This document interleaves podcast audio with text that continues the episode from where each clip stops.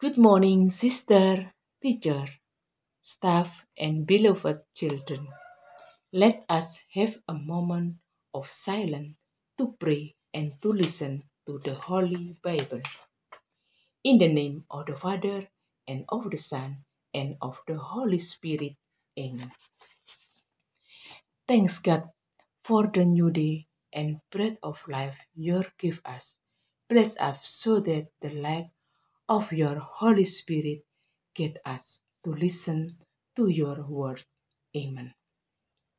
The Lord be with you and also with you. A reading from the Holy Gospel according to John. Glory to you, Lord. So he told them, My Father is working until now, and I too am working.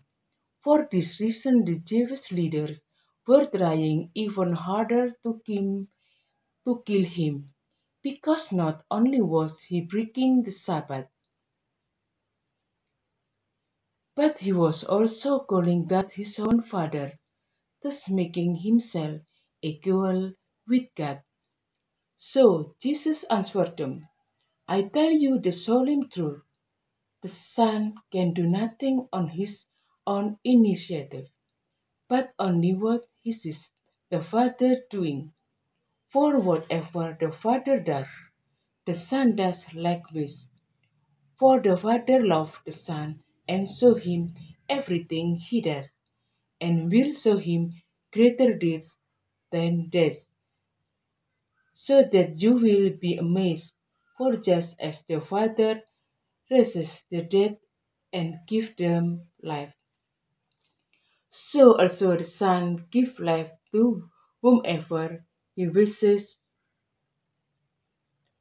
Furthermore, the Father does not judge anyone, but has assigned or judgment to the Son, so that all people will honor the Son just as they honor the Father.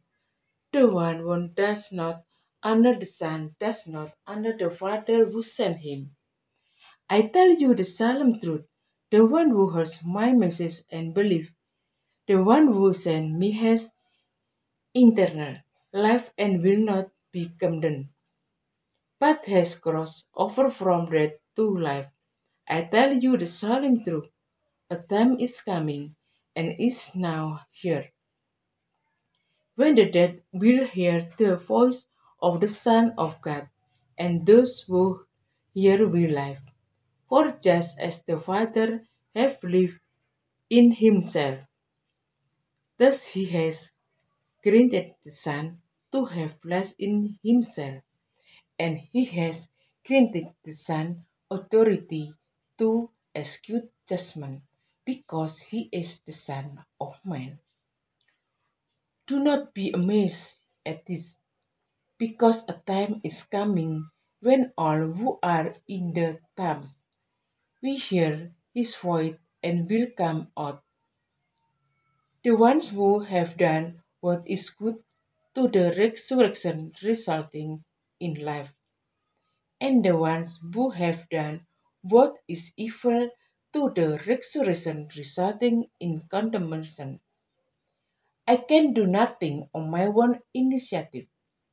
Just as I will, I just and my judgment is just, because I did not see my own will, but the will of the one who sent me.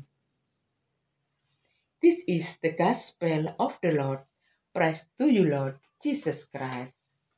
Suster, Bapak, Ibu, dan anak-anak yang terkasih, sabda Tuhan hari ini, Yesus selalu menaati kehendak Bapaknya dalam segala hal. Dengan terus terang, dia mengakui bahwa dia tidak dapat berbuat sesuatu dari dirinya sendiri. Kesatuan dengan Bapaknya diwartakan sebagai kebenaran tanpa takut. Dia juga tidak meniadakan hari Sabat, tetapi menyadarkan kembali makna bahwa hari Sabat untuk manusia, bukan manusia untuk hari Sabat. Maka Yesus menjunjung tinggi kebenaran di atas segalanya. Mari kita belajar dari sang guru kita ini.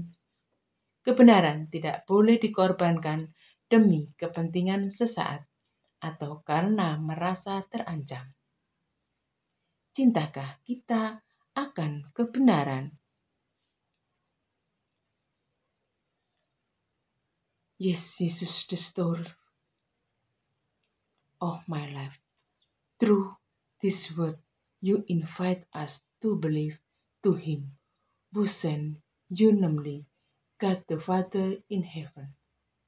Thank you for your guidance and always forgive my sin. Amen. In the name of the Father and of the Son and of the Holy Spirit. Amen.